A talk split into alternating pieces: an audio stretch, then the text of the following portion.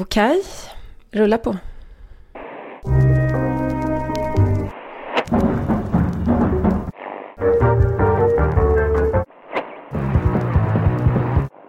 Hur har ni det med mjältsjukan egentligen? Man brukar kalla det så, den här höstkänslan av livsleda och melankoli och allting sånt, ni vet där. Det regnar från alla håll och man eh, till och med ensam med en för mycket, som Hamlet sa. Eh, man trodde ju länge att det där kom från den svarta gallan eh, nere i mjälten, spleen på engelska. Och det var där som Gunnar Eklöf skrev sin poesi om spleen. Eh, ja, eller så gjorde han det mest för att Baudelaire hade gjort det förut. Hur som helst, det här är podcasten Clips av Peps Costello Svensson som i Polen kallas för Fotboll Radicao. Eh, Baudelaire skrev förresten i sin diktsamling då eh, Le Spleen de Paris. Så här sitter vi en tisdag mitt i hösten och jag vänder mig till Paris och frågar Hur fan har du egentligen med mjältsjukan Johanna Frändén? Ja, det är ganska mycket splin eh, generellt skulle jag säga i eh, södra Europa just nu. Det gläder mig. Ja, jag förstår det. Det är ruggigt väder. Det, det bara slog över på, över en natt här. Det var ju sommar otroligt länge i år, så man får ju vara lite glad över det. Eh, jag skickade tillbaka en fråga med anledning av din, ditt intro. Vilken nu aktiv fotbollsspelare i en av de stora ligorna heter Hamlet i andra namn? Eh, Mkhitaryan, eller hur? Ja, snyggt. Absolut. Ja. Tydligen heter hans pappa det i förnamn. Ja, gud. Men visst, mm. alltså det där är mitt absoluta favoritcitat nästan hela teaterhistorien. Till och med ensam var jag en för mycket. Mm. Man känner ju den ibland. Jag relaterar så oerhört hårt till det faktiskt. Jag är nästan två för mycket ensam. Herregud, ja. Vad ska man göra? Det här är en säsong att bara ta sig igenom, eller hur? Mm, så är det faktiskt. Men det händer ju mycket rolig fotboll så att man ska inte gnälla för mycket.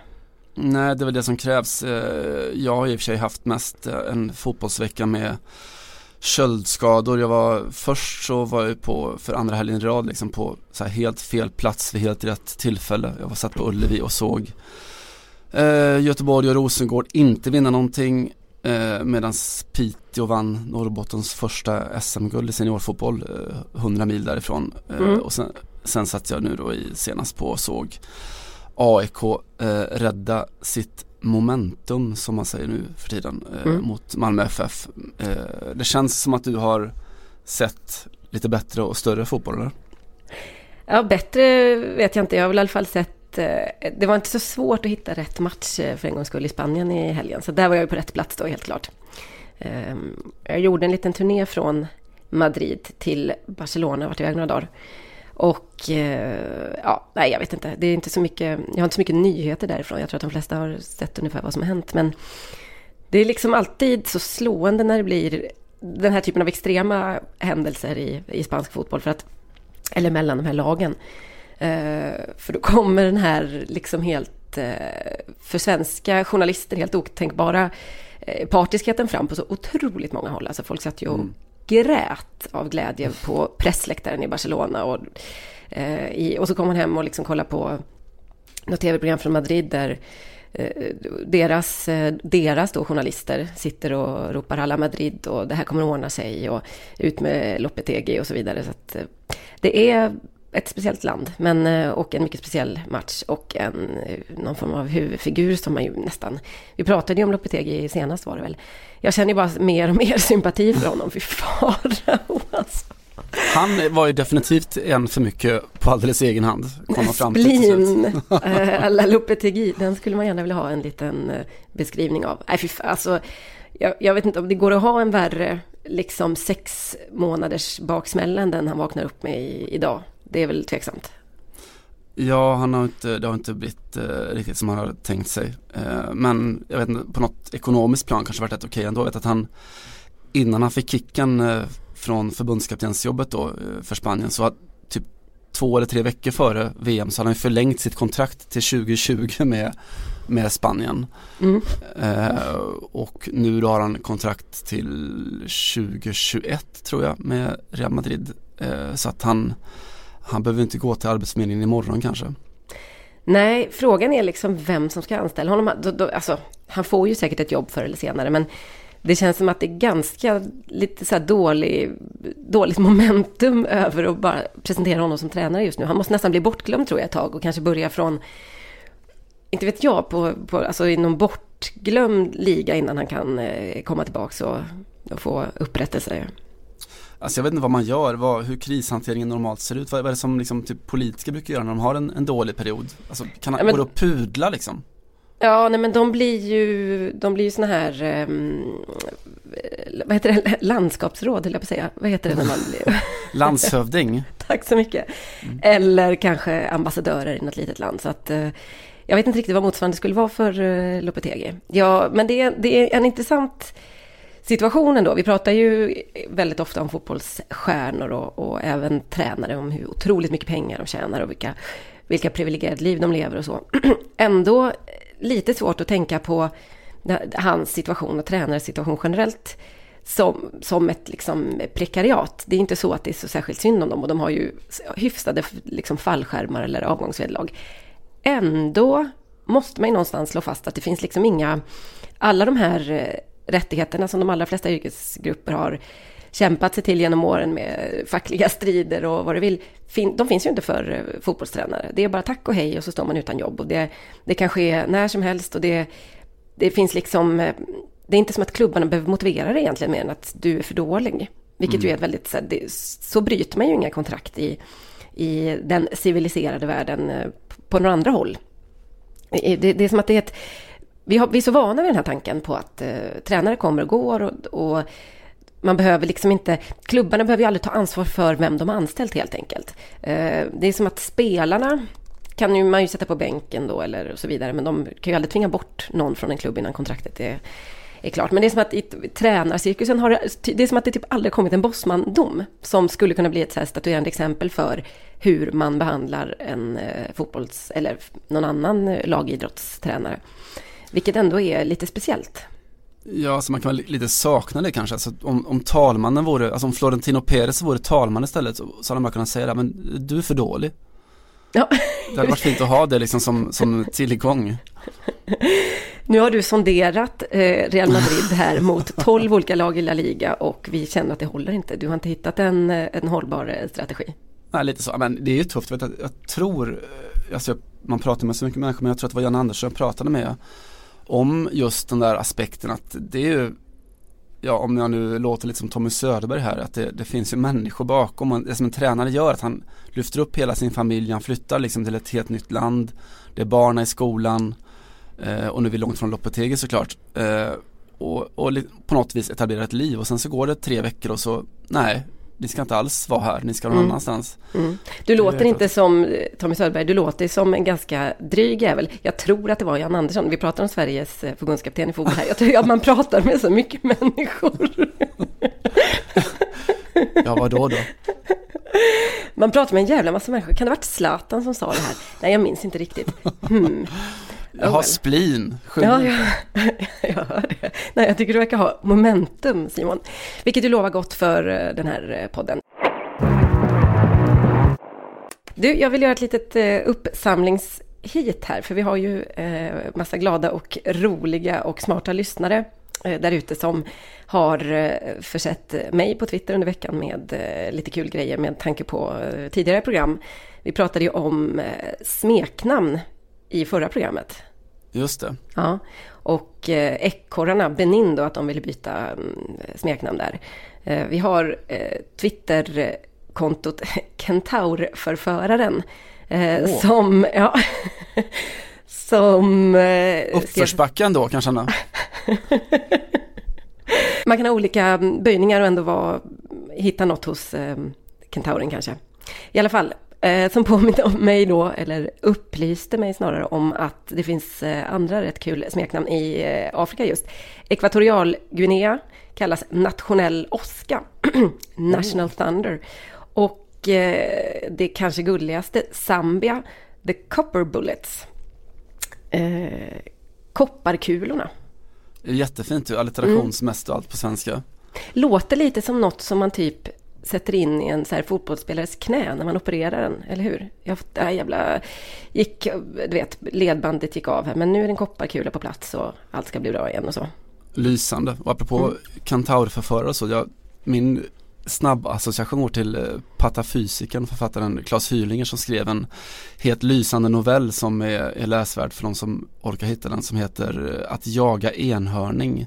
Mm. Han, liksom, han, listar alla problem som finns med jaga enhörning, att det är, svåra att hitta. Om man väl hittar dem så kan man liksom inte eh, fånga in dem och om man väl lyckas fånga in dem så är de svåra att döda och så vidare. Och så, eh, så avslutar han med att skriva att eh, nej det är verkligen inte lätt att jaga enhörning men så är det heller inte nödvändigt. Nej, det är fint. Det är splin på sitt sätt faktiskt. Faktiskt. Mm.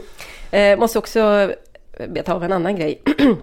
Vi pratade ju om eh, det här med tröjor, alltså tröjbudskap, de här eh, som man har kanske under då matchtröjan och drar av sig när man gjort mål och så ställde jag frågan hur många sådana finns det genom tiderna som aldrig använts som bara gått liksom rakt i dumpen. Och eh, Malena Johansson som vi också pratade om i förra avsnittet som skriver för DN och väldigt initierat eh, ofta om Italien, ofta om italiensk fotboll. Eh, håller på och läser Tottis eh, självbiografi som har kommit ut nu och eh, simultan pytsar ut små stycken på Twitter. Så att, Åh, där gud, vad ljuvligt. Ja, det är riktigt ljuvligt. Och då säger hon så här. du undrar om tröjor under tröjor. Totti skriver så här, eller han har tänkt på dig och informerar. Och då skriver Totti att eh, det finns inga osedda t-shirt. I alla fall har det aldrig hänt mig. Varenda gång som jag har eh, förberett en tröja med ett budskap då under eh, matchtröjan så har jag alltid kunnat eh, visa upp den då för att det har gått bra, han har gjort mål eller liknande. Kanske är det ren flyt eller ren tur. Kanske är det att det är lite extra motivation. Men för min del kan jag säga helt säkert att några undertröjor med budskap som blivit, förblivit osedda, sådana finns inte. Vi tror på dig Totti. jag har aldrig trott på dig mer kan jag säga. Och jag, då tror jag ändå väldigt mycket på dig. Fantastiskt fint. Ja, det är inte så dumt. Äh, vad, har vi, vad har vi mer då i, förutom att vi varit på fel plats? Är för övrigt en liten spaning om du tillåter mig kring Piteå. Du uppmärksammade mig på för, i somras när, eh, i somras, var det det? När Lotta Schelin eh, la av, mark, eh, mm. berättade att hennes karriär var över. Att eh, det var väldigt mycket svenska fotbollstyckare och profiler och kollegor till oss då som lät det här passera helt obemärkt, alltså inte uppmärksammade det på Twitter till exempel, där väldigt många är aktiva och kanske skriver 50 inlägg om dagen och om varenda liksom enskild situation i varenda allsvensk match och så. Men det här var inte riktigt värt att, att lyfta alls då, Sveriges Nej, rent, kanske enskilt eh, största spelare.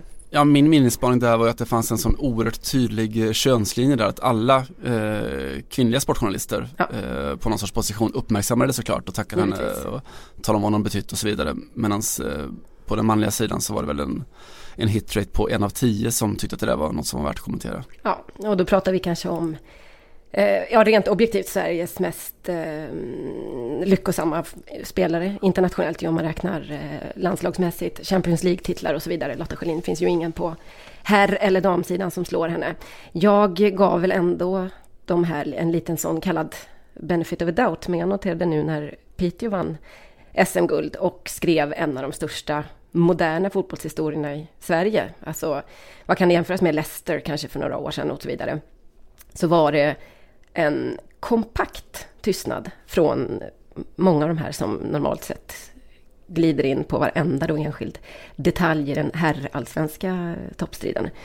Eh, men inga kvinnliga journalister som du säger lät ju det här passera. Vad är, handlar det här om?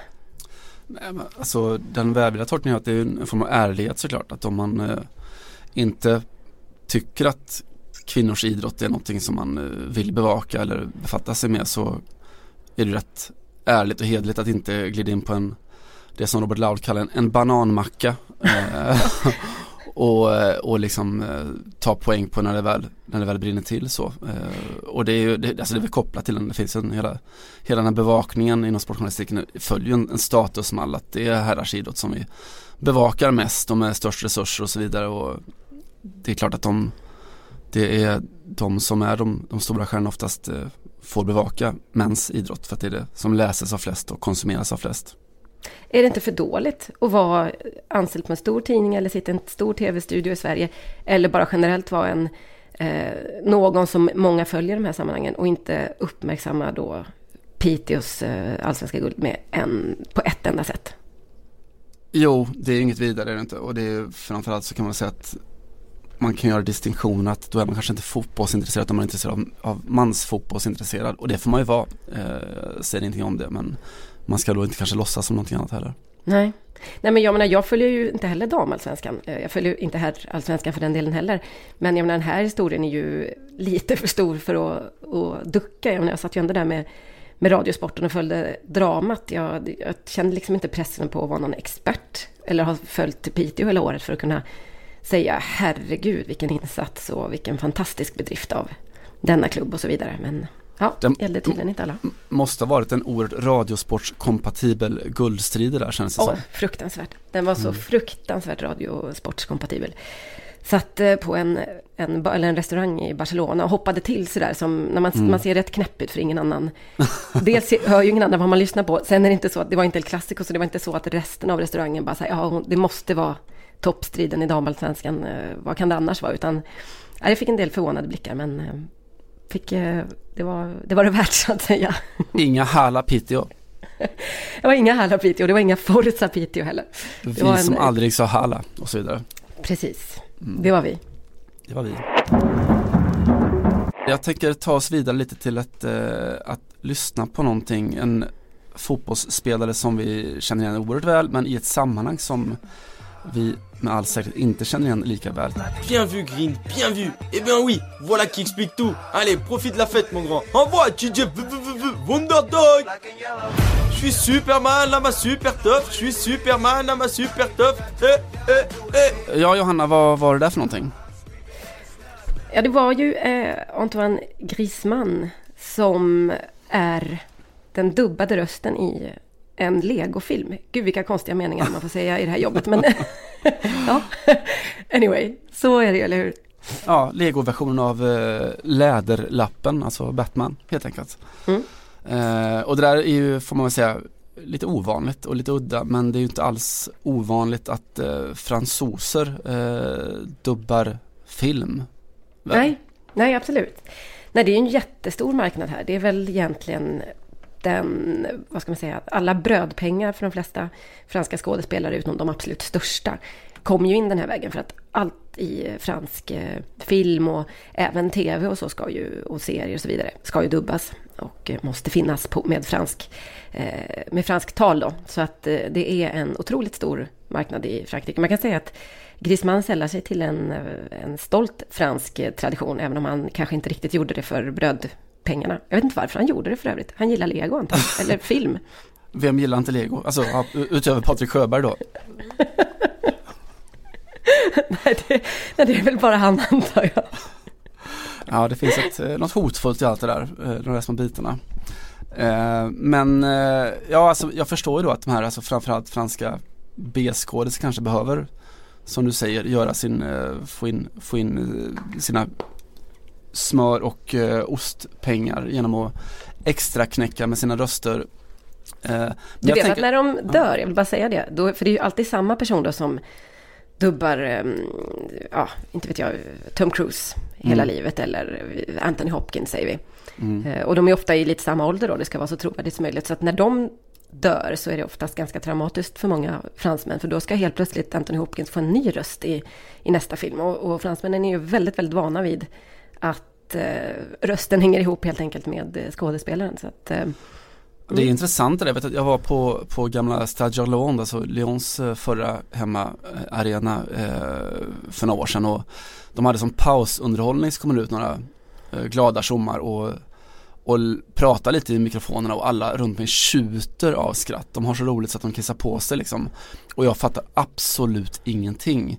Eh, Eh, Tills någon då förklarade för mig att men det där är, det är ju det är Simpsons, det är ju Simpsons-familjen som står ner och, och giggar.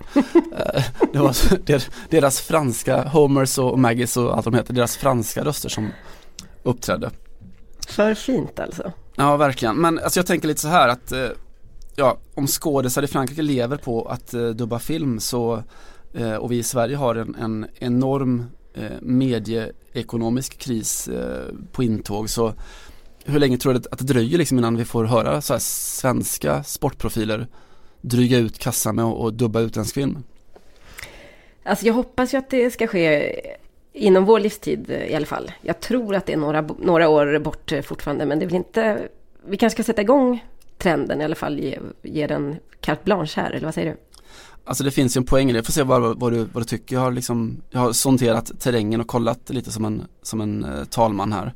Mm. Eh, och sett om det finns liksom några, några dolda talanger där ute. Så vi kan väl Ja, du får helt enkelt liksom vara, vara enväldig eh, kan-jury här och tala om var finns framtidens sportprofilstalanger vad gäller dubbningsskrået. Eh, vi kan väl lyssna på en Anders Andersson-tolkning av Jerry Maguire. Visa mig pengarna. Visa dig pengarna. Visa mig pengarna. Visa mig pengarna. Visa mig pengarna! Visa mig pengarna! Visa mig pengarna! Visa mig pengarna! Visa mig pengarna!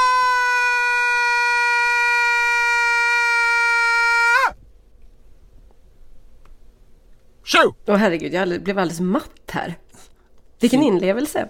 Finns det någonting här i, i Anders Anderssons timbre som, som är liksom Jeremy Maguire-kompatibel skulle du säga? Ja, alltså jag, allting, vilken eh, enormt övertygande insats. Alltså det, var, det, det kändes som att det här eh, betydde någonting på riktigt för Anders Andersson. Ja, han var oerhört engagerad. han var det va?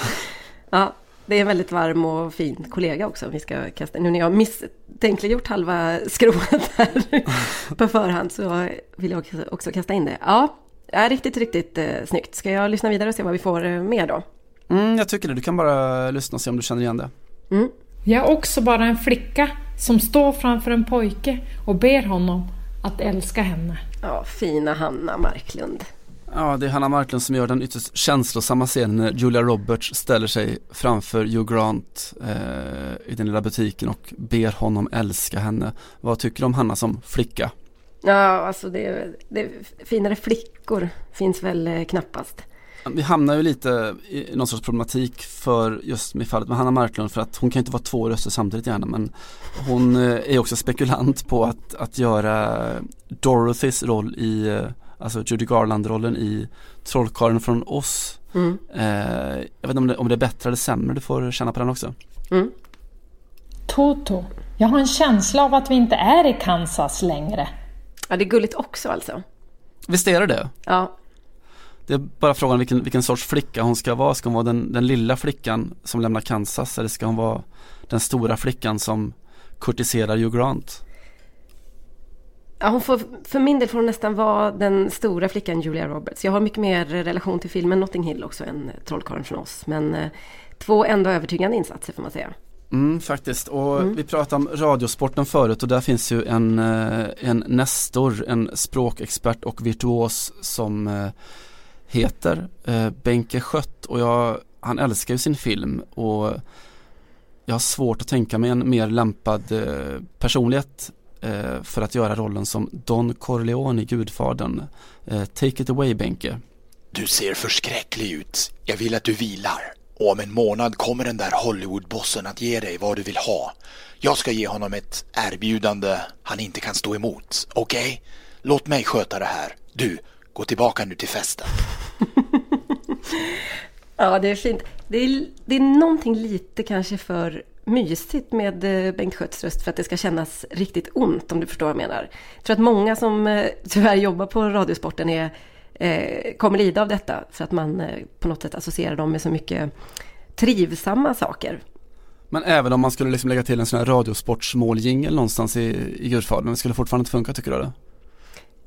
Jo, då skulle det ju kanske bli lite mer av en komedi, men det är väl inte fel att eh, tolka om, så att säga, gamla klassiska verk. Det, jag är inte reaktionär på det viset. Nej, alltså jag vet inte, man kan även rent så här sceniskt lägga om det till, jag vet inte, Delfinhallen eller Gevalia eller något sånt där. Oh. Vissa scener skulle må bra av det tror jag. Ja, men jag, och jag, här tror jag ju att de på Radiosporten har ett eh, extremt försprång på väldigt många andra. För det finns ju få som är så otro, alltså som jobbar så mycket med sin röst. Jag menar, mer, förutom de som dubbar film så är det väl de som jobbar med radio som är bäst på att prata helt enkelt. Alltså som kan lägga allt fokus på rösten för det andra spelar ingen roll. Det är det som gör det yrket lite speciellt också. Det är jättekul att du säger det för att vi, vi har ju en till då. Eh, om Benke Schött virtuos så är ju Christian Olsson en diplomerad eh, röstpoet, eh, mikrofonpoet eh, som har style. Men har han det som krävs för att göra Brad Pitt i Fight Club? Känn på den. Slagsmålsklubbens första regel är att man inte snackar om slagsmålsklubben. Slagsmålsklubbens andra regel är att man inte snackar om slagsmålsklubben. Slagsmålsklubbens tredje regel är att om någon ropar sluta, börjar halta eller ger upp, då är fighten över. Ja, det, är, det är få röster man har eh, associerat så himla mycket med stora svenska äh, idrottsögonblick ändå som äh, Christian Olsson. när han började prata om regler så kände jag direkt att här kommer något om offside-regeln eller om, äh, inte vet jag, att den här nya regeln att man får göra ett fjärde byte i, som tillämpades under fotbolls-VM, den typen av sak. Så att jag, jag kom in på det spåret lite grann, men det, jag gillar också hans, det här pedagogiska tilltalet. Mm. Att det, det, det, man hör att han vill förklara och här kommer regler. Hänger han, ni med? Han tar sin slagsmålsklubb på rätt stort allvar känner man. Han tar den på väldigt stort allvar. Får mig också tänka på en halvkul tweet som jag såg någon gång. Eh, en kille som skrev Hej allihopa, jag har gått med i något som heter Fight Club. Kom lite sent på introt, men eh, jag kom, hörde i alla fall tredje regeln. Och den var så här. ja, jag är lättroad. Ja. Ja men det ska man vara. Det gör, gör det lättare att stå ut med, med spleen eh, mm. och så. Eh, det finns ju så här roller som är svårare att tillsätta än andra eh, faktiskt. Alltså framförallt de här eh, lite halvpsykopatiska, mordiska rollerna. Jag tänker på i det här fallet då Apocalypse Now och, och Robert Duvalls roll då. Den här krigshöken eh, Bill Kilgore eh, som har sina sinnen på helspänn medan bomberna smäller. och då mitt castingöra säger mig att det finns ingen som är mer lämpad att spela den sorts roller än Niklas Jarelind på, på Discovery. Eller ja, jag vet inte vad du tycker. Vi lyssnar. Jag älskar doften av napalm på morgonen. Ja, det var bara det. Han älskar napalm, visst känner man det? Han får, han får inte nog av skiten. Det var, det var typ den kanske största diffen mellan eh, tilltal och budskap jag hört. Jag älskar doften av napalm på morgonen. Ja, eh, det var, det var starkt. Eh, det var otroligt starkt. Ja men det är alltså orden får ju tala lite grann. Det blir någon sorts eh, en diff där som du säger som jag tycker att gör att hela budskapet är ännu starkare på något vis. Den är, jag sträcker mig till att säga att den är intressant. intressant är bra, det är Niklas Jarlind också. Intressant är ju också eh, på alla sätt den gode Chris Härenstam. Eh, och intressant är också hans rolltolkning av eh, Taxi Driver. Känn på det. Snackar du med mig? Hej. Snackar du med mig? Det där var övertygande Simon. Det var skådespeleri, eller hur? Ja, det var det faktiskt. Han gick in i rollen där, hörde, kände jag. Ja, och Chris har ju också en, en, eh, en bakgrund som eh, cameo-skådespelare. Han gjorde ett, eh, en bejublad insats i SVT Play-serien Juicebaren som förtjänar sin tittning. Ja, det gjorde han. Och det gjorde han ju så otroligt övertygande. Alldeles glömt bort. Men han spelar den här outhärdliga mannen som kommer in till, på fiket och ska prata med den här kvinnan i serviceyrket som är 22 och tjänar skit lite pengar. Och så tycker han att hon ska le lite grann. Var lite glad då, är det inte så? Just det. Uh, och det är en, en, rimlig begäran kan man tycka, om man är Särenstam. det är faktiskt en väldigt, eh, väldigt, väldigt eh, bra rolltolkning. Och tycker jag som ändå känner Chris, jag har jobbat en del med honom på SVT, fick en, en förståelse av hans um, självdistans som jag inte alls hade innan jag såg uh, just den serien. Ja. Eh, vi har också avslutningsvis då, och det är också ett problem, alltså Benke Schött är ju Don Corleone, det går liksom inte att komma ifrån det riktigt. Eh, men om nu gud förbjude Bengt Schött skulle så att säga, bli sjuk eller tappa rösten eller någonting så eh, går det att tänka sig kanske att i ja, typ Gudfadern 3 att Olof Lund kliver in och gör Michael istället. Han får i alla fall chansen här. Precis när jag trodde att jag kommit undan så drar de in mig i skiten igen. Ja, det, det, det där är, mm, det är lite suggestivt. Det är Förbannad som att han, va? Ja, men lite som att han har gått en ganska tuff rond mot fotbollsförbundet igen. Eller spel, Mm. eh, alltså matchfixningsgänget. Eller vem som helst eh, som han liksom, vars eh, verksamhet han gräver i. Och så kommer det ut på andra sidan. Och så kommer det något nytt. Ja, något nytt hela han måste sätta nytt. tänderna i. Liksom. En ny Något- Landskrona Boys-skandal runt hörnet. Exakt, något som absolut inte kan vänta. Man tror att är vi någonting på spåren liksom? Finns det, finns det talang? Finns det möjligheter? Ja, men det är klart att det gör. Jag tror dock att vi kanske får inse att samtliga här är ju eh, radio och tv-människor. Vi, Mm. ja du och jag fuskar väl lite med tv ibland, men det kanske skulle låta lite annorlunda om man drog upp sju tidningsröster på mm, den här, eh, på, på samma uppdrag helt enkelt. Men eh, ja, intressant eh, spaning. Jag ska, måste jag utse en vinnare eller kan jag bara få eh, vara lite allmänt tagen av insatserna generellt? Är inte alla lite sådär vinnare? Som Alla på lågstadiet, Som på dagis. eller hur? Mm.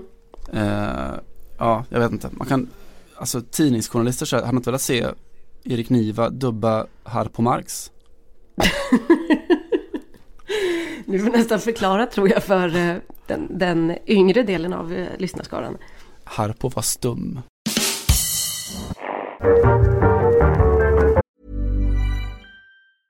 I'm Sandra, and I'm just the professional your small business was looking for. But you didn't hire me because you didn't use LinkedIn jobs. LinkedIn has professionals you can't find anywhere else, including those who aren't actively looking for a new job but might be open to the perfect role, like me. In a given month, over 70% of LinkedIn users don't visit other leading job sites. So if you're not looking on LinkedIn, you'll miss out on great candidates like Sandra. Start hiring professionals like a professional. Post your free job on linkedin.com/achieve today. Från radio och eh, ett väldigt, väldigt svenskt, eh, svensk-franskt perspektiv så eh, vill jag förära dig och er med en eh, liten spaning eller en fundering som jag har haft i veckan i det så här, världspolitiska läget. Eh, Cesar Sayok har ju snott nästan alla rubriker. Eh, den här bombmannen då som greps i USA och anklagas nu för att ha skickat alla de här rörbomberna till ett, ett gäng politiska aktörer på den amerikanska scenen. Eh, och ja, En ensam ju galning och så vidare. Just det, just det. The Lone Wolf. Eh, och det har snackats väldigt mycket liksom om hur hela hans då hat mot de här eh, företrädesvis eh, relativa vänster eller liberala människorna eh, har då präglats av Donald Trump, eh, Donald Trumps retorik och sätt att vara på fake news och allt det där. Men eftersom vi är eh, fotboll radikal på polska så fastnar jag för någonting helt annat. Eh, Du, det jag måste bara, ja. förlåt, men vad, vad säger det om oss att vi drar igång den här podden samtidigt som Sveriges absolut bästa progressiva podd, Lilla Drevet, läggs på is det nya är att eh, vara tre konservativa kvinnor som eh, pratar om konservativa saker. Ja, vi slåss ju motvind kan man säga. Ja, vi kanske inte har riktigt den där tajmingen som vi hade hoppats på. Eller så behövs vi extra mycket nu, jag vet inte vilket. Nej, gud nej. Vilken vår vi haft förresten. Då, dålig timing. Vet du vad du har Johanna Frändén? Dålig timing. Så är det, Eh. vargtass och lingondricka och så vidare. Just det. Eh, Cesar Sayok hur som helst, han, grejer med honom ur vårt perspektiv, att han spelar själv liksom så här socker eh, högt upp i skolåldrarna. Eh, han, han ska själv ha påstått att, att han spelade för, eh, för AC Milan också. Eh, och det är väldigt så här tveksamt även om man kanske skulle haft en schysst chans att ta en plats i truppen eh, 2018. Eh, va, han påstod att han skulle ha gjort det, eller att han har gjort det, eller att, han, att han har spelat för Milan. Jaha, i vilka sammanhang har han påstått det? Eller det är ju jättelätt att kolla upp, tänker jag. Ja men tidigare på sociala medier och sådär tror jag. Okej. Eh, Det är en del av hans självbild att han har varit eh, bomber i Milan. Nej det skrev han aldrig men att han ska ha spelat för AC Milan. Uh, veckans minst, eh, minst, eh, vad ska man säga, minst smakfulla skratt kom där. Mm. mm, i, Eller ja, i, på, på veckans sämsta skämt i och för sig då. Ja, ja vi, vi, tar vad vi får. Mm. Eh, men de här, alla de här bilderna som spreds av den här vita van som han då framlevde sitt eh, liv i de senaste åren. Han bodde ju i sin bil. Eh, och den såg ju ut som en sån här riktig jävla knäppjöksbil. Det var klistermärken överallt om Mike Pence och Donald Trump och med sådana här kikarsikten riktade mot eh, Hillary Clinton och eh, Obama och allting sånt. Men det fanns också andra klistermärken på den här bilen som eh, passerade lite obemärkt och de handlar ju om just om soccer, om fotboll. Bland annat så stod det på ett då Top Youth Soccer Recruits for Trump. Och då undrar man ju lite sådär eh, försynt vad det har med liksom själva terrordelen av hans liv att göra. Det är två mm. på sätt och vis skilda intressen med fotboll och terrorism. Ibland eh, i alla fall. Ibland i alla fall. Och min, min lilla spaning då eh, bottnar väl i att både du och jag, vi har ju spelat själva eh, fotboll och eh, har hållit på väldigt mycket med föreningsliv på ungdomssidan och så.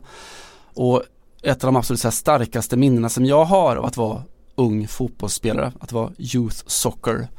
Eh, det var ju just det här med att man, man terroriserade grannskapet varenda vecka eh, faktiskt. Så min lilla undring är om man egentligen inte kan se liksom Sayoks, det här brevbombandet som en i och för sig då rätt extrem form men ändå en form av att sälja bingolotter. Han kanske bara var liksom en jävligt övertänd form av föreningsmänniska. ja, ja. jag, jag, är faktiskt, jag, ska säga att jag är faktiskt lite förvånad över det här för allt jag har lärt mig om socker just och politik i USA är att eh, det snarare betraktas med viss eh, skepsis av högerfalangen, alltså republikaner och de här true patriots mm. och så mm. vidare. För att eh, fotbollen, den europeiska, är stor på kusterna. Att, eh, att det förknippas väldigt mycket med dem demokratiska ideal. Att det liksom är en, en, en import helt enkelt. Franklin Foer skrev ju för en 10-15 år sedan en bok som heter How Football Explains the World. Mm.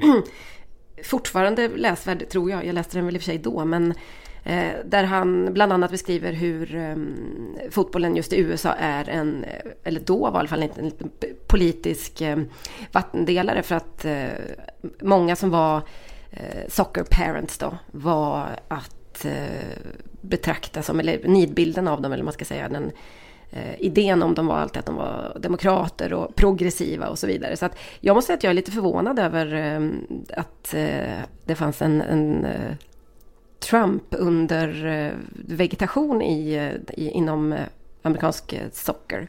Så långsökt är det inte för att Trump själv räknas som den första som amerikanska sockerpresidenten. Han spelar också fotboll, vår fotboll i, i skolan och så. Jo, det han, men gud, det har ingen aning om. Ja, det är lite konstigt. Men jag, jag alltså, köper grundbilden helt och hållet. Jag vet att eh, när Obama var lokalpolitiker eh, i Chicago så så var det, alltså en av hans politiska motståndare använde det som ett motargument mot honom då, att han, han bodde i så här Hyde Park i Chicago och motståndaren sa att det där, det är liksom inte det riktiga Chicago. Eh, och ja, analytikerna förklarar liksom att men, i Hyde Park, det är ett ställe som man liksom gillar cricket eller eh, den där andra sortens fotboll eller ingen sport alls. Mm. Eh, så, eh, så att när det väl liksom blev presidentvalsdags då, då kom ju Obama ut som som eh, Chicago Bears-fan istället. Eh, och det fanns han liksom såg det liksom som en eh, att det fanns en rimlighet till att han ville liksom visa helt enkelt att, att han var riktig kar, inte någon sockerfjolla. Nej, just det. Precis, men det var väl också den här känslan av att globalister bryr sig om fotboll för det är stort mm. i Europa. Men det stämmer liksom inte överens med riktiga amerikanska värden för då spelar man baseball typ eller amerikansk ja. fotboll. Ja, Soccer Moms uh, har väl varit en sån hel, ett väljarsegment som man pratar om helt öppet. Just det. Ja, men precis. Några med liberala värderingar och så. Allt mm. det där. Ja, exakt så. Uh, bögigt. Ja, exakt. Väldigt bögigt. Men mm. lite då sista veckan återtaget av uh, den här ultramaskulina falangen då som tyvärr har tagit det hela vägen in i, um, in i sitt ja, i, sitt, i sin terrorideologi helt enkelt. Mm. För Farao. Ja, för Farao. Jorge Valdano, nu tänker jag väldigt mycket på honom. Han är ju en, ett, tydligen ett åter, återkommande inslag i podden Vår. Han skriver en eh, rolig och fin spalt i eh, tidningen El País som är värd att läsa för alla som behärskar eh, spanska. Inför El Clasico så gjorde han en ganska syrlig men också väldigt varm eh, spaning om ja, Lopetegi och bland annat och hans öde och så vidare. Och varför Real Madrid då, som är hans gamla lag och eh, ja, klubben som han har varit anställd i väldigt många år. Eh, varför de har problem och i en bisats så skrev han så här om Tony Kroos. Tony Kroos med karisman hos en miniräknare. Han varken Mhm. imponerar eller gör någonsin fel. Jättefint ju. Alltså vad, jag, jag vet inte ens, jag vet väldigt få journalister, utbildade, riktiga pennor som hade fått till en sån fantastisk eh, bisats i, eh, om eh, Tony Cruz. Men Jorge Valdano bara satte den och gick vidare. Alltså det, det finns någon sån där avgjort östtyskt i hela Tony Kroos framtoning så, just det där med, med miniräkneriet så jag vet att det fanns, eller det finns en sån tysk analysfirma som sysslar med ett begrepp som heter pecking som går ut på att man, liksom, man räknar på hur många spelare i motståndarlag som varje spelare slår ut med sina passningar under en match. Alltså spelar du förbi en eller två eller tre spelare så får du ett visst antal poäng och så. Mm. Och To- Tony Kroos har ju alltid varit liksom extremt högt på alla sådana listor. Eh, jätte, jätte, jättefint. Den där eh, Ja, om, en, ja, men han är en miniräknarspelare. Alltså det är verkligen, Tony Kroos kan man ju ställa klockan efter och man kan, eh, det kanske är fotbollsvärldens mest statistikvänliga spelare, precis som du säger. Jag tänker också lite att eh, om man inverterade det där omdömet så hade det passat ganska bra på dig. Eller om man hör det igen. Vad var han för något? Eh, han hade karisman hos en miniräknare. Varken imponerar eller gör fel. Du imponerar konstant och gör fel konstant. Ja, precis. Det, det, det är mitt lite mer um, extrema eftermäle du pratar om här, som vi alla känner till. Radikalt. Riktigt radikalt. Ska vi eh, gå vidare och prata lite grann om en spelare som eh, har väldigt mycket karisma och som också gör en del saker fel för närvarande. Mm, och, visst. Och kanske inte imponerar så mycket, eller jag vet inte. Ja, det beror, på, beror helt på vilken läggning man har. Eh, ytterligare en då som vi talat om tidigare i vi pratade om honom i samband med att vi snackade om den här Erdogan-stödda klubben eh, Başakşehir i Turkiet som väl fortfarande tror jag leder Super League. Eh, Arda Turan, eh, den store, vi pratade då senast om att han, när han hade sitt bröllop i våras så hade han Erdogan, presidenten, som bröllopsvittne. Eh, I våras fick han också en avstängning på en eh, 16 matcher tror jag det var för att han gav, på sig, en, gav sig på en domare. Just det. Och det som hänt sen vi snackade om honom sist är att han har varit på nattklubb eh, och eh, stött på eh, Eh, en känd turkisk sångare som heter Berkay Şahin och stött på Berkay Şahins eh, flickvän då enligt eh, turkiska mer skvallerbenägna tidningar. Han har själv då dementerat det men det som han då enligt de här tidningarna ska ha sagt eh, är att eh, om jag inte vore gift så hade jag lätt stött på en tjej som dig. Eh, medan då Torans egen fru är hemma och eh, är gravid. Det blev lite kurr eh, då. Eh, Shine eh, fick näsan eh, bruten och hamnade på sjukhus. Eh, och då var på liksom Arda Toran gjorde vad som alla vettiga fotbollsstjärnor gör. Han åkte till sjukhuset, tog med sig en pistol, bad Shine om ursäkt och sa att eh, jag fattar inte att det var din tjej. Och sen gav han Shine pistolen och sa skjut mig. Ja, det, det är, är inte det någon sån här riktigt gammal liksom eh, hedersuppträdande? Alltså att man ska vara, man duellerar helt enkelt om en eh, kvinna. Förutom att han inte själv då skulle ha någon utan det var bara skjut, skjut mig, jag är obeväpnad.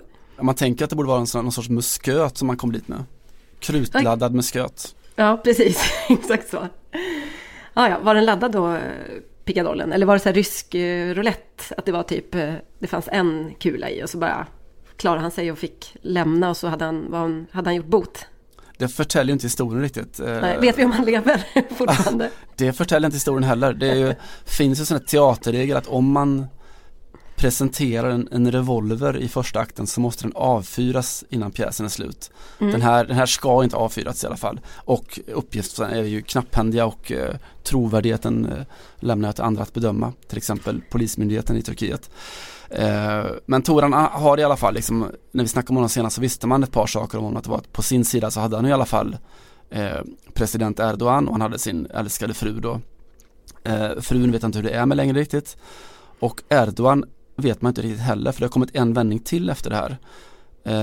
Och det är en, en Istanbul-tidning som har presenterat uppgifter om att åklagarmyndigheten i Istanbul ska ha öppnat en utredning där då bland andra arrendatorerna misstänks för att ha band till Fethullah Gülen, alltså den här turkiska predikanten som är baserad i USA och som påstås då ligga bakom hela kuppförsöket mot Erdogan för två år sedan.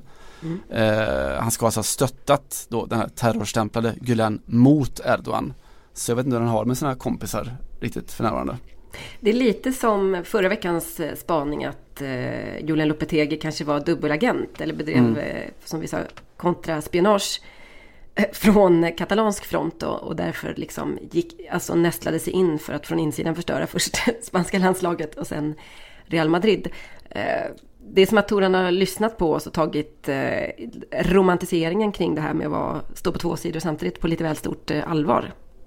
Gud ja, men han har i alla fall mer charm än miniräknare kan vi konstatera. Det har han. Någonstans, eh, det var ganska intressant för att när han kom till Barcelona så var han ju, alltså det blev ju liksom fiasko av alltihopa. Men Barcelona var, och tidningarna där var ju liksom ett sånt behov av att skriva om någon eh, ny. Och de väntade och väntade och väntade på att han skulle bli, eh, ja, få börja spela helt enkelt och sådär. Och eh, därefter, jag ska se om jag kan leta upp den i något sammanhang och lägga ut så skrev en av eh, lokaltidningarna en text, jag tror att det var en intervju med Toran eller om det bara var en, eh, liksom ett litet personporträtt på honom. Om eh, alltså att han var en, någon sorts turk som kom på en flygande matta. Och, och bara behövde gnuggas liksom sin sån här... Eh, Gyllene lampa? Ja, precis. Oljelampan. Så skulle Aladdin komma ut. Och, alltså det var typ precis alla eh, exakt alla turkiska, liksom, eller orientaliska tusen och natt eh, konnotationer de bara kunde få in i en text. Ja, det var, det var väldigt, väldigt eh, magstarkt. Och eh, ja, nej, man får väl säga att han, de förstod honom aldrig riktigt i Barcelona. Han förstod väl inte riktigt dem heller. Det blev inte någon lyckad sejour på något ja. sätt. Nu verkar han ju ha blommat ut lite grann. Där beskrevs han ju alltid som en lite tillbakadragen och ja, han var liksom inte så... Eh, jag tror inte ens han var så särskilt bra på spanska fast han har varit länge i landet och sådär. Och eh, försiktig och lite beskedlig och sådär. Nu, nu har han ju så att säga eh, börjat ta vissa initiativ ändå, även om det kanske inte alltid är rätt eh, eh beslut. Borde inte förresten Julian Petit, ha, har varit lite sådär mer stuns i honom, gått in till Florentino Perez med en revolver och sagt skjut mig, jag ber om ursäkt. Alltså det, det, borde han verkligen ha gjort. Jag tycker verkligen att han borde ha gjort exakt det. För det är precis den behandlingen de ju utsätter honom för. Det hade varit det snyggaste. Han borde ha gjort det inför alla. Istället skrev han ju ett, ett snällt pressmeddelande mm, igår som gjorde att man tyckte ännu mer synd om honom. Jag tycker ju alltid väldigt synd om alla som får eh, sparken eller hamnar i den här typen av situationer. Där han skrev att, ja, han, Real Madrid var ju ganska tydliga i sitt utskick då att eh, det var för dåliga resultat och mm, med tanke på att man hade åtta spelare nominerade till Ballon d'Or i år eh, så kunde, det stämmer inte överens med att spela så här fruktansvärt dåligt. Och de var ju, ja, de laddade sin bössa kan man säga mot eh, Lopetegi. Och han svarade med att tacka klubben för förtroendet och, och hela truppen för den här tiden och lycka till i framtiden och så vidare. Det var, jag tycker det är väldigt smärtsamt hela, att följa hela den här historien. Han borde absolut gått in, för det var i princip det han gjorde med, med det brevet. Han borde gått in där och sagt så här, skjut mig då. Det är mm. det du vill. Det hade varit något. Mm. Lägga över liksom, kanske inte skulden, men i alla fall någon, att någon enda gång så ska en, också en klubbledning ta lite ansvar för, för man, vad man fattar för eh, beslut. Jag menar, han, han kom ju in på ganska konstiga premisser också. Det var inte, eller konstiga, men hur, hur, ska man ersätta Zidane först och främst? Hur ska man ersätta mm, Cristiano Ronaldo när ingen köps in på den posten? Alltså det, var, det har inte varit så lätt för eh, Lopetegi. Usch. Ja, vi sympatiserar med honom. Vi gör det lite. Och hans frisyr. Alltid. Alltså det är lite sådär att ersätta Zidane och så, eller efterträda Zidane. Det där att eh, om man har pratat om Arda i ett par minuter så och sen lämpa över på dig att utse någon sorts veckans profil känns lite taskigt men jag gör det ändå. ja, precis. Ja, men jag ska lämna honom därhän och eh, prata om veckans fotbollsprofil. Profil. Han heter David Banda, är 13 år gammal och eh, tillhör eh, Benficas ungdomsakademi faktiskt. En eh, habil forward verkar det som. Han är eh, fysisk och stor och eh, ganska så snabb. Ännu inte så bra teknisk säger eh, rapporterna från den portugisiska pressen framförallt. Men han har ett ganska spektakulärt stöd på läktaren och vi pratade om amerikanska soccer moms. Så har han nog den absolut mest kända soccer mom som finns. Han är nämligen adoptivson till Madonna. Och Eh, Madonna har ju tagit hela sitt pick och pack faktiskt och flyttat med i alla fall de barnen som är, inte är utflugna, hon har fem tror jag, till eh, Portugal just, bor i Lissabon nu och eh, följer David Bandas utveckling där. Och hon, ja, det var hon som tog kontakten då, fick, skrev in honom i, i akademin och säger själv nu att eh, det är roligt att vara en fotbollsmorsa men det är slitigt också. Man har i princip inget eget liv längre. Vilket jag tycker är Styrkekram. på alla sätt. Ja, det är så man känner. Och eh, hon ses då och då faktiskt på mm, matcherna då när det här ungdomslaget spelar i ja, Benficas ungdomsgäng som är, som är ett väldigt lyckosamt eh, lag. Och eh, rapporter säger också att hon är väldigt engagerad och ofta drar igång hejaramsor och applåderar och tjoar och kimmar från läktaren. Veckans fotbollsprofil profil är också veckans eh, sockermam. Madonna. Man vill, man vill ju höra de här sångerna på något vis. Vad, så här, Make it through the wilderness. Eller vad? Just det. Touch the ball for the very first time och så vidare. Det, Ja, ja. finns, eh, det finns möjligheter. Man kan också, om man är sugen på att se hur David Bandas ser ut så kan man med fördel googla fram eh, bilder från hans 13-årskalas. Då var han klädd i sån här fotbollsproffskompatibel Gucci-dress från topp till tå. Ja, lilla vän. Mm. Mm. Han har det som krävs. Ja, det tror jag. Han har bra, bra uppbackning i alla fall.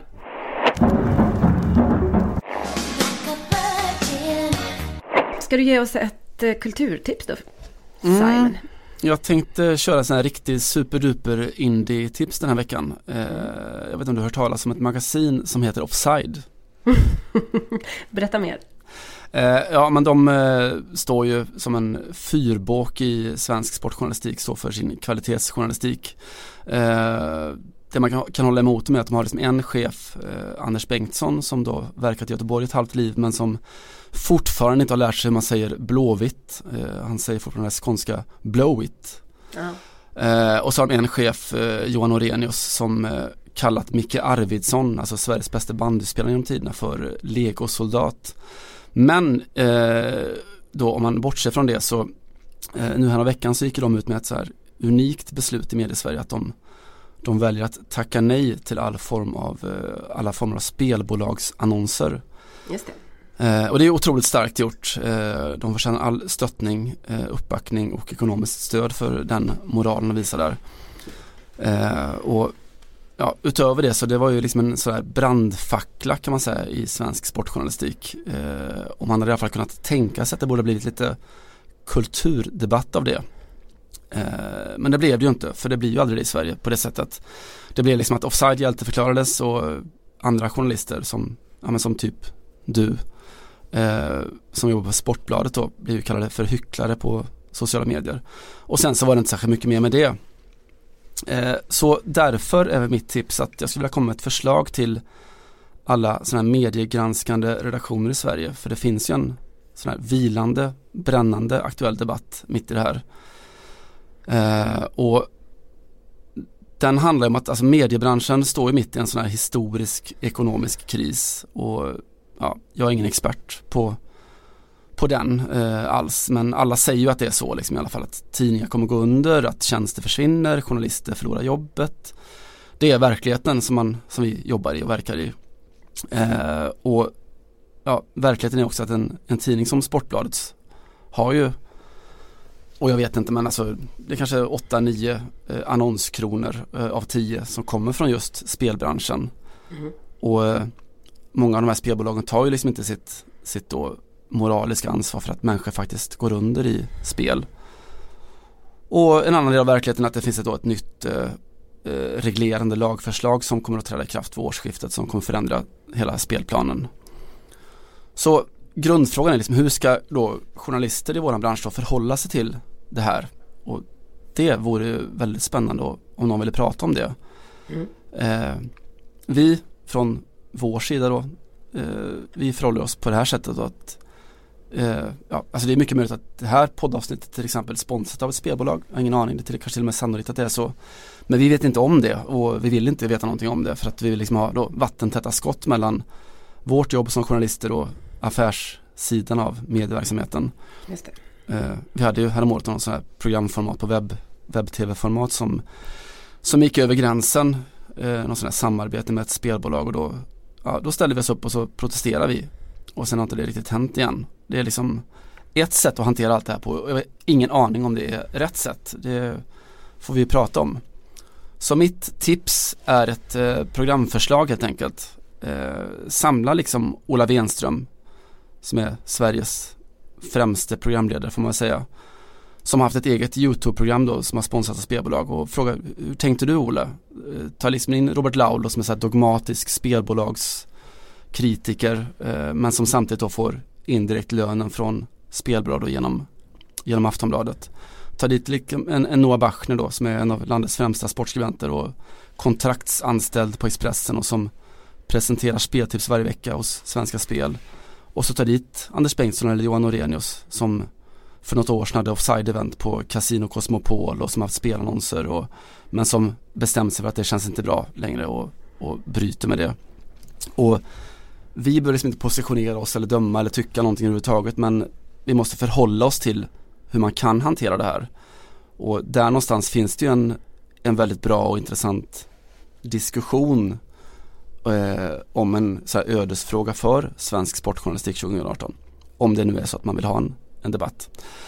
Ja, och för att avsluta hela den propån så tycker jag liksom i alla fall utöver allt annat att det finns ett gott skäl att det är jäkligt trist att Johan Orenius tar avstånd från spelbolagen för att det hade varit väldigt kul om Johan Östgöte-Johan hade startat sitt helt egna spelbolag. Motala Odds. Motala Odds. Motala Odds. Herregud. Det här var en så otroligt bra prata ända tills du snubblade på det sista Simon. Men jag bortser från det då och eh, instämmer. Jag undrar också eh, och jag skulle väldigt gärna vilja höra den här eh, diskussionen för det är inte riktigt hållbart att de, eller vi som är, ändå lyfter frågan med jämna mellanrum, men som inte så, så, att säga sitter med de strategiska och ekonomiska besluten, står oemotsagda.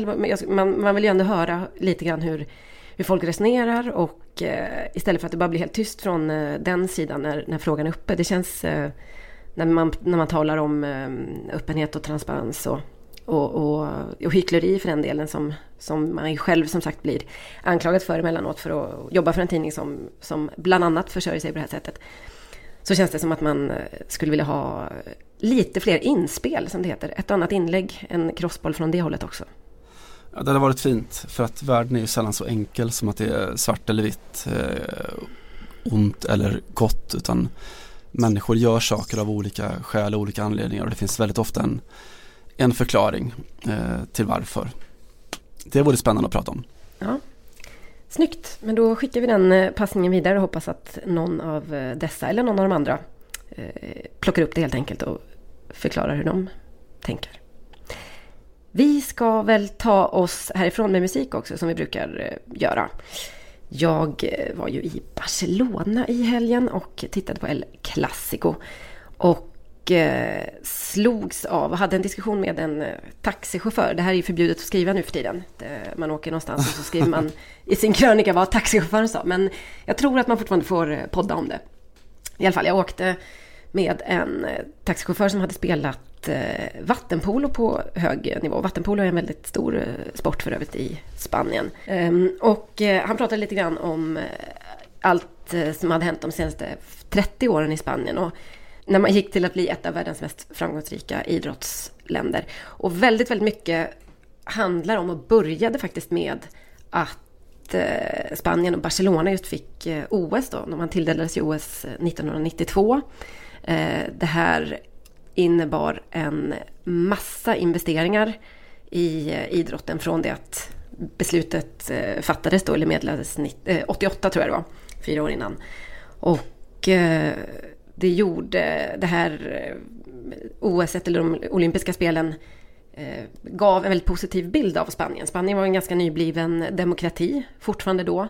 Man hade inte riktigt någon, eh, någon liksom enighet i landet och framförallt så hade man extremt dåliga resultat i eh, olympiska spel fram till dess. Men Spanien slog alla med häpnad och slog alla belackare på fingrarna och tog 22 medaljer tror jag var i sitt hemma-OS och eh, gjorde, mm, fick på något sätt eh, igång en idrottsvåg som vi fortfarande ser väldigt mycket resultatet eh, av. Stora investeringar i Barcelona som stad blev, gick säger man från att vara liksom en stad i tredje världen, lite slarvigt då, till att bli en världsstad såklart. Man, mycket rent arkitektoniskt gjorde man, gjorde man om väldigt mycket i Barcelona. Och sen så har ju idrottsframgångarna följt då, inom fotbollen givetvis. Men även handboll, basket och så vidare. Och jättemycket individuella eh, idrotter också. Det var en eh, låt som har hängt med i mitt liv många år. Sedan 1992. Som var den stora Barcelona-hymnen. Och då pratar jag alltså inte om eh, Total Camp, klapp, klapp, klapp. För den är fruktansvärd på alla sätt. Eh, Peppa Pig. Precis. Eh, och jag tycker den förtjänar att eh, lyssnas på. För den framförs av eh, två genier. En, den ena, eller det ena, eh, Freddie Mercury som försvann eh, alldeles för tidigt. För väldigt många år sedan. Ehm, det, det andra, Montserrat Caballé, är, var en av världens eh, största operaröster och dog här alldeles häromveckan i en mogen ålder. Hon var över 90 år tror jag. Så här lät det. Nu ger jag er lite nostalgi och så hörs vi nästa vecka. Detta var alltså OS i Barcelona 1992.